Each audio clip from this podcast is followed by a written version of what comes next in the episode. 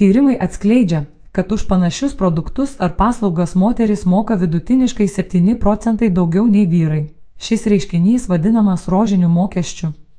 Dažniausi to pavyzdžiai - asmeninės hygienos prekės, drabužiai ir aksesuarai. Tačiau ar mes patys pastebime to apraiškas ir kaip galime rožinio mokesčio vengti?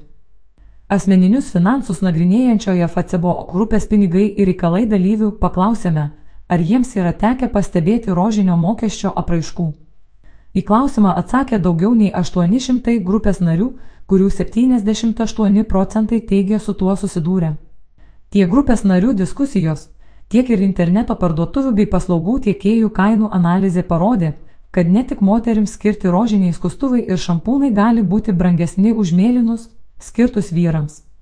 Pavyzdžiui, vienoje internetinėje parduotuvėje galima pastebėti, kad identiško modelio žinomo prekės ženklo rožinio sportinio krepšio kaina yra keliais eurais didesnė nei juodo. Kai kurios drabužių valyklos siūlo skirtingas kainas klasikiniams vyriškiems ir moteriškiems marškiniams. Pastaruosius išvalyti bus brangiau. Pagalyti skiriasi ir panašių vaikiškų drabužėlių bei žaislų kainos. Pinigų ir reikalų grupės nariai taip pat stebėjosi tuo, kad moterų kirpimas kainuoja brangiau nei vyrų, net jei jų plaukų ilgiai tokie patys, kaip vengti rožinio mokesčio. Kaip pastebėjo ir pinigų ir reikalų grupės nariai, samoningas apsipirkimas gali padėti vengti rožinio mokesčio. Prieš perkant verta palyginti skirtingų prekių ženklų kainas. Taip pat išnagrinėti produktus skyriuose, kurie tradiciškai skirti vyrams. Pavyzdžiui, Asmens hygienos prekės, tokios kaip skustuvai ar dezodorantai, gali būti pigesnės vyrams skirtame skyriuje, nors patys produktai iš esmės yra tokie patys. Pravartu atkreipti dėmesį į lyčiai neutralius NGL.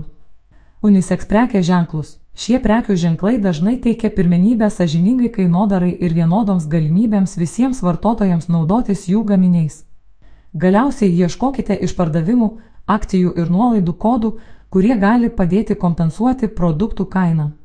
Tiesa, čia svarbu nepamiršti, kad akcijomis ir nuolaidomis verta pasinaudoti tada, kai daiktų mums iš tiesų reikia, o ne todėl, kad juos galima įsigyti pigiau. Tai viena esminių sumanaus apsipirkimo per nuolaidų vilionės taisyklių. Vis dėlto vertėtų pripažinti, kad kol rožinių mokesčių paremta prekės ženklų strategija veiks, tol dalis jų nebus linkę jos atsisakyti. Taigi, Pokyčio galime siekti samoningai ieškodami alternatyvų toms prekiams ir paslaugoms, kurių vienintelis didesnės kainos motyvas - pakuotės spalva - didesnės kainos už mažesnį atlyginimą. Nors vis garsiau kalbant apie lyčių lygybę tiek visuomenė, tiek ir prekės ženklai tampa samoningesni, rožinis mokestis išlieka aktualią problema ir ji - netiketinė. Keliais eurais brangesnės moterims skirtos prekės vieno apsipirkimo metu gali ir nepasijusti, tačiau ilguoju laikotarpiu tai transformuojasi į reikšmingas sumas, kurias per gyvenimą sumoka moterys. Beje, čia svarbu atkreipti dėmesį ir į kitą medalio pusę - pajamų neligybę. Tose pačiose pozicijose esančios moterys vis dar gauna mažesnius atlyginimus nei vyrai, tad kainų skirtumas įgauna šiek tiek didesnę reikšmę.